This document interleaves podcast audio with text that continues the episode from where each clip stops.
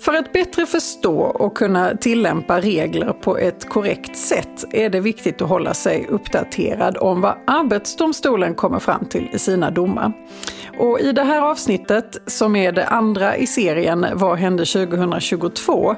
pratar vi om två spännande domar som ger oss vägledning i den svåra konsten att avskeda och vad som gäller eh, när man pratar om företrädesrätten till heltid.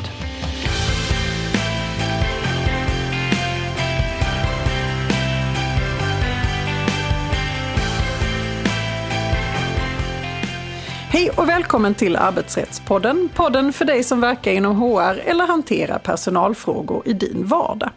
Jag heter Emelie Svensäter Jerntorp och arbetar som advokat inom arbetsrätt här på Vinge. Och med mig idag har jag Daniel Melander Björner som också arbetar med arbetsrätt här på vårt Malmökontor.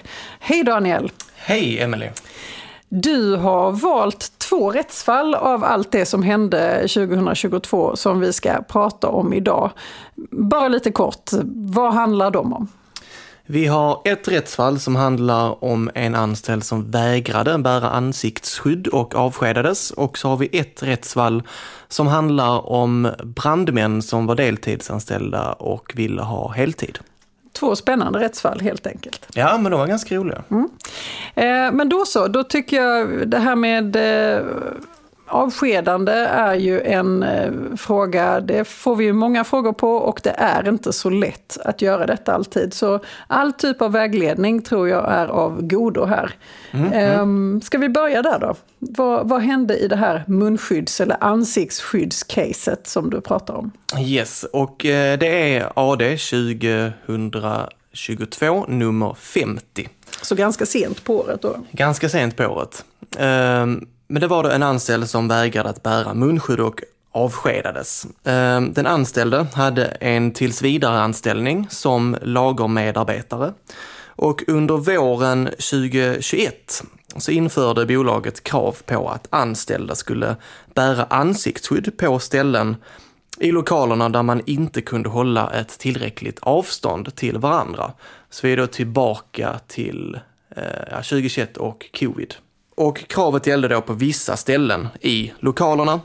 Den anställde och bolaget de hade ett möte samma dag som beslutet kom och den anställde han menade att han på grund av hälsoproblem så kunde han inte bära ansiktsskydd. Och då kom bolaget och den anställde överens om att anpassa hans arbetsuppgifter något så att han kunde utföra större delar av sitt arbete i arbetsgivarens lokaler på de ställen där det inte fanns krav på ansiktsskydd. Så arbetsgivaren tog fram regler och sen så pratade man direkt med arbetstagaren om dessa och faktiskt anpassade eh, detta personligen till hans situation. Precis, och då kom man överens om en lösning för att precis anpassa för honom. Eh, men dagen efter mötet, då är den anställde på plats, han är på jobbet och han går omkring utan ansiktsskydd helt och hållet. Och då får han en tillsägelse av sin närmsta chef då.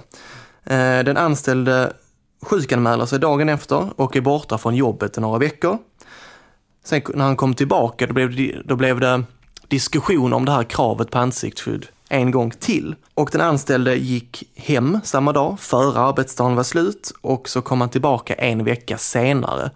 Och då hade han inte sjukanmält sig utan då var han olovligt frånvarande. Eh, så när han kommer tillbaka, då ger bolaget honom en skriftlig erinran eh, på grund av olovlig frånvaro och på grund av att han har vägrat att bära ansiktsskyddet. Eh, och samma dag då som han får erinran, då sjukanmäler han sig igen. Kommer han tillbaka en vecka senare, men hade då inte ansiktsskydd då heller.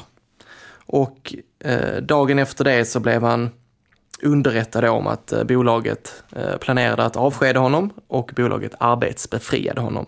Så gick det några veckor och eh, han blev avskedad och väckte talan genom sitt eh, fackförbund och yrkade på att det här avskedandet eh, i första hand skulle ogiltig förklaras. Så det här var ju en, ganska mycket diskussioner kring just det här med ansiktsskydd och så i samband mm. med att det här eh, ja, ärendet eh, hanterades av arbetsgivaren och arbetstagaren här. Ehm, och eh, det var många som undrade hur, hur hårt man kunde trycka på detta och nu, nu kommer vi få svaret. Precis. Eh, Arbetsdomstolen får då eh, den, här, den här frågan på sitt bord och eh, Arbetsdomstolen de tar avstamp i arbetsgivarens företags och arbetsledningsrätt. Och det är det så att som utgångspunkt så bestämmer ju arbetsgivaren om vilket arbete som ska utföras och arbetsgivaren bestämmer också vilken klädsel och annan utrustning som de anställda ska ha när de utför sitt arbete. Eh, och en anställd har ju också en skyldighet att följa arbetsgivarens instruktioner. Om en arbetstagare skulle anse att arbetsgivaren ger en order som den inte har rätt att ge, då har arbetsgivaren också som utgångspunkt ett tolkningsföreträde. Eh, men det är som sagt en utgångspunkt och det finns undantag på när en arbetstagare kan vägra och ett sådant undantag det är om det är risk för liv eller hälsa. Skulle det kunna kanske vara här då? Kanske. Precis, för den anställde hade ju då två argument för varför man inte hade följt eh, arbetsgivarens order. Det första argumentet var att man hade, man hade avtalat om att den anställde inte behövde ha ansiktsskydd. Och det andra argumentet var ju då att det fanns eh, risk för liv och hälsa.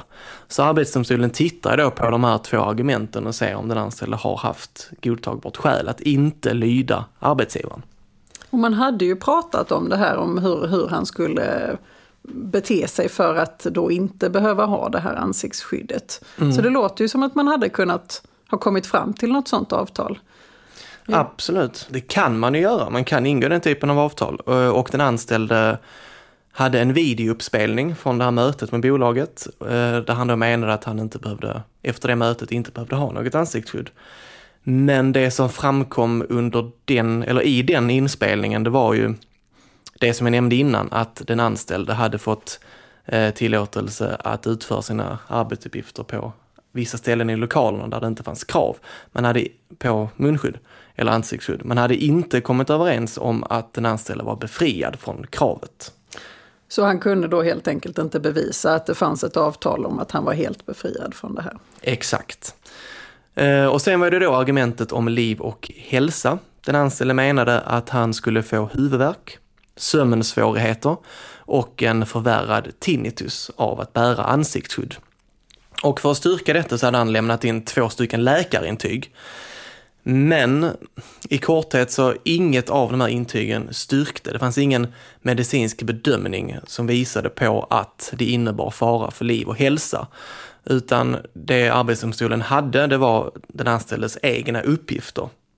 Eh, och det kunde inte Arbetsdomstolen lägga till grund för att det fanns fara för liv eller hälsa i det här, i det här målet. Så vad landar vi i slutändan? Ja, men då landar vi att eh, Arbetsdomstolen konstaterade att den anställde var skyldig att följa bolagets instruktioner. Eh, men då är frågan om det här var en tillräckligt allvarlig arbetsvägran för att det skulle kunna vara ett avskedande. Eh, för då är vi, på, vi är ett steg upp från uppsägning. Och den anställde hade här varit olovligt frånvarande i en vecka. Det var tydligt för den anställde att eh, bolagets beslut om ansiktsskydd, det hade fattats på grund av att undvika att sprida covid, som vid det tillfället var en allmän och samhällsfarlig sjukdom. Och sammantaget då så gör Arbetsdomstolen bedömningen att vägran att följa beslutet var därför särskilt allvarligt och det fanns laga grund för ett avskedande i det här fallet. Så då, då, gick det bra att avskeda i det här fallet och då får man också en ganska god inblick i hur viktigt det är att arbetsgivaren ger tydliga riktlinjer och faktiskt eh, på ett bra och tydligt sätt kommunicerar detta med, eh, med sina arbetstagare. Och det hade de ju verkligen gjort här. Precis. Så vad skulle du säga, vad tar vi med oss från detta? Det vi tar med oss från det här målet är ju att i det här fallet så var det okej okay med ett avskedande. Och Arbetsdomstolen, vi vet inte riktigt hur de hade tagit ställning i Arbetsdomstolen om det inte hade varit en Alltså om det inte hade varit covid, en pandemi. Utan de lägger ju ändå in, verkar det som, en bedömning av att det var en allmänfarlig sjukdom och ser också till ett större samhällsintresse som gjorde den här anställdas agerande extra allvarligt. Så det vi tar med oss är egentligen att Arbetsdomstolen gör verkligen alltid en helhetsbedömning av samtliga omständigheter. Och så därmed också viktigt att kunna visa detta. Ja. Så, dokumentation, dokumentation, dokumentation. Det tar vi också med oss. Det tar vi med oss. Ja, men, äh, jättespännande och som sagt ett, äh, ett rättsfall som är väl värt att läsa om man äh, är intresserad. Men det, det, var det första rättsfallet. Och sen mm. nämnde du att vi ska prata lite om brandmän. Yes, det ska vi. Och då är vi i AD 2002 nummer 29. Och då hade vi fyra stycken brandmän, eller vi kan ta egentligen lite mer runt om. Mm. Det handlar om brandmän. Ta lite mer runt om. Runt om. Det handlar om brandmän. det handlar om företrädesrätt till heltid. Eh, I LAS så finns det en regel eh, om att en deltidsanställd kan ha företräde till tjänster med en högre sysselsättningsgrad.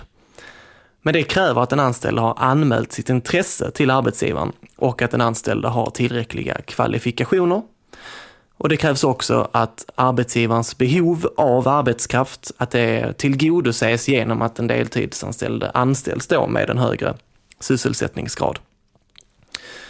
Enligt förarbetena till LAS så ska en arbetsgivare i normalfallet istället för att anställa någon ny låta de nya arbetsuppgifterna utföras av någon som då redan är anställd. Så det är paragrafen i LAS som det handlar om. Ehm, och då har vi då brandmännen de flesta brandmän i Sverige, de arbetar ju i en så kallad beredskapsanställning. Vad är det för någonting? Eh, det innebär att man har inget fast arbetstidsmått, eh, utan man är helt enkelt, man arbetar vid behov och eh, man arbetar i regel mindre än heltid. Ofta så arbetar man cirka 10 timmar per månad. Och det är ungefär två tredjedelar av alla brandmän i Sverige som har den typen av anställning. Eh, de har de här deltidsbrandmännen, som vi kan kalla dem för, de har sin huvudsakliga anställning hos en annan arbetsgivare. Så att när de då är i beredskap, då har de tillstånd att omedelbart lämna jobbet om ett larm går eh, för att inställa sig på brandstationen för utryckning på ett, eh, ett par minuter. 56 minuter. Det, ja, det, det står är väldigt, väldigt kort tid får man säga. Det är det. Ehm, och det är då två tredjedelar av alla brandmän i Sverige, så har vi en tredjedel av alla brandmän i Sverige då, de har en heltidsanställning. Och målet då, det var det fyra stycken deltidsbrandmän som hade anmält då att de ville ha en tjänst med högre sysselsättningsgrad.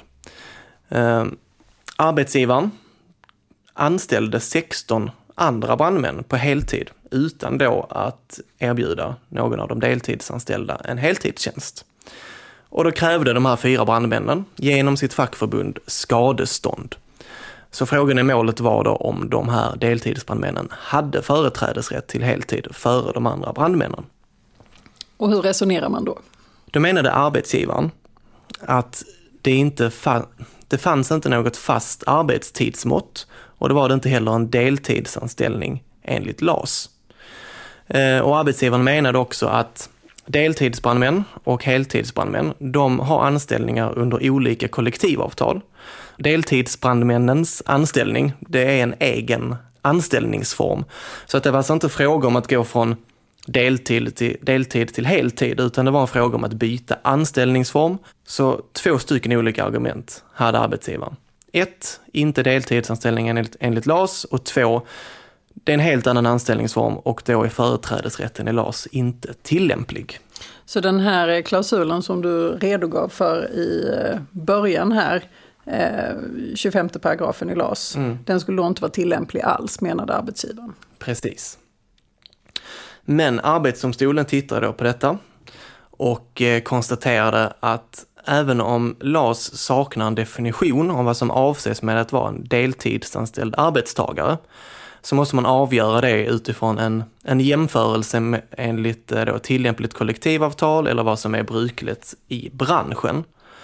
Ehm, och Arbetsdomstolen menade att det kan inte anses vara ett krav att man har ett, en fastställd sysselsättningsgrad för att man ska ha en deltidsanställning med företrädesrätt enligt LAS.